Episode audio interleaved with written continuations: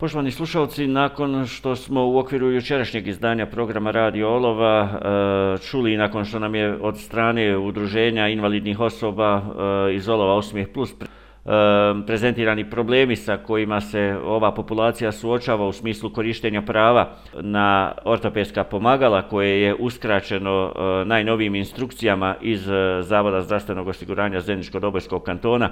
Sve je to bio neposredan povod da pokušamo stupiti u kontakt sa direktorom e, Zavoda zdravstvenog osiguranja Zeničko-Dobojskog kantona, gospodinom Omerom Škaljom. Juče to nismo uspjeli, nije imao ni sastanaka, obećao da ćemo to urati jutros ponovo jutro sastanci s, e, sindikalni, kako nam je rečeno, i evo napokon, e, dakle, e, na našoj telefonskoj liniji, e, Omer Škaljo, direktor e, Zavoda zdravstvenog osiguranja Zeničko-Dobojskog kantona. E, gospodine Škaljo, navodno instrukcijama iz Zavoda zdravstvenog osiguranja, e, najmanje 30-ak lica članova u, ovog udruženja našeg golovskog e, invalidnih osoba. E, njima je uskraćeno pravo na, osnovno pravo na pelene.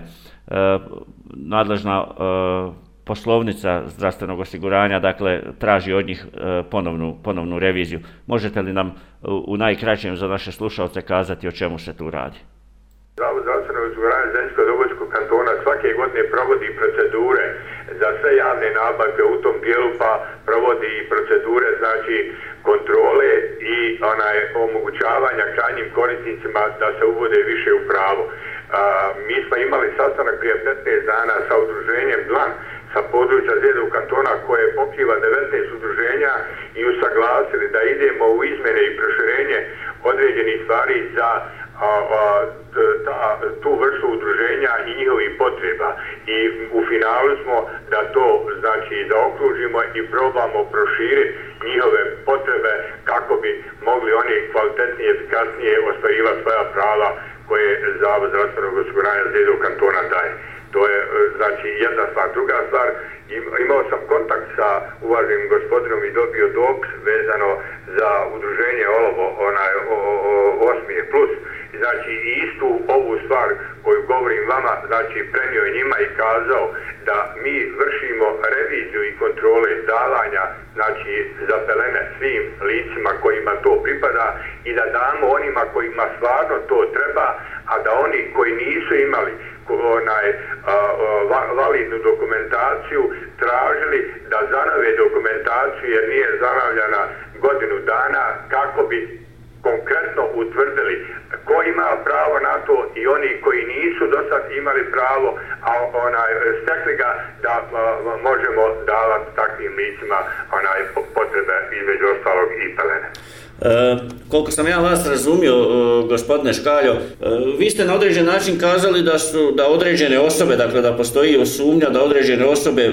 koriste ta prava, a nisu. E, koji je uveo ta prava? E, su imala ta prava u određenom vremenskom periodu, oni su dobili to pravo i koristili ga.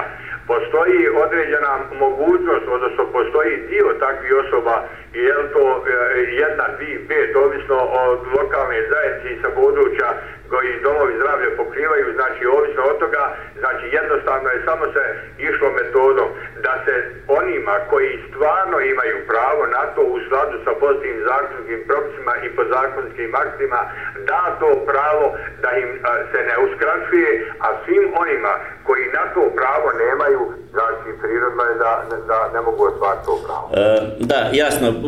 Problem se postavlja kod osoba izuzetno starih osoba. Mi ovdje pred sobom imamo nekoliko primjera primjera iz udruženja 8 plus kažu da se radi oko 30 osoba. Mi imamo nekoliko drastičnih primjera. 92-godišnje, dakle, nane koja nema šanse da se njeno stanje popravi, ona je nepokretna. E, e navodno, e, postoji instrukcija u poslovnici zdravstvenog osiguranja u olovu da ona ne može više dobiti onaj pelen jer mora napraviti, evo, kako ste vi kazali, ovu reviziju nalaza. E, bukvalno ta, ta osoba koju evo lično ja poznajem morala bi ponovo sa onim svojim krevetom gotovo nepokretna iz jednog sela dolaziti, posebno u ovo pandemijsko vrijeme. E, na osnovu koje, dakle, je li to već sad ima ta odluka o reviziji, na osnovu čega ove poslovnice, e, dakle, e, reaguju na ovaj način, odnosno, evo, 30-ak 30 osoba u olovu stavljeno u vrlo nezavidan položaj imamo takve ulazne podatke, znači, ja ću iza vašeg razgovora sa mnom, znači, možda predsjednika ovog a pa i dostavim spisak tih lica i za ta lica ćemo tražiti adekvatna rješenja da im olakšamo ovu vrstu procedure, a da oni ne moraju onaj, se izlagati, da kažem, dodatnim naporima a ukoliko nisu u stanju. Da.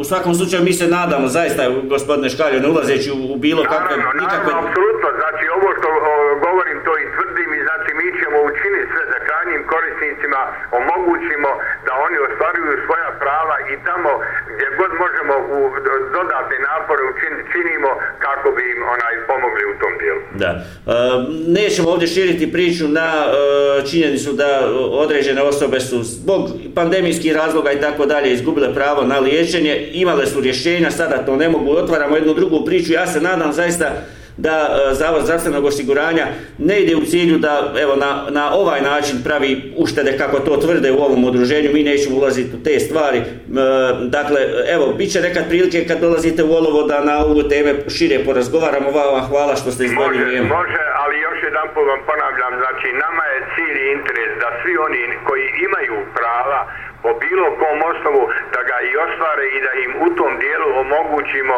maksimalno da to ostvare i da imaju pravo na to adekvatno u sladu sa zakonom i pozitivnim zakonskim propisima. Da, da. E, hvala za vrijeme koje ste izvojili da govorite. Hvala vama, živim zdravim.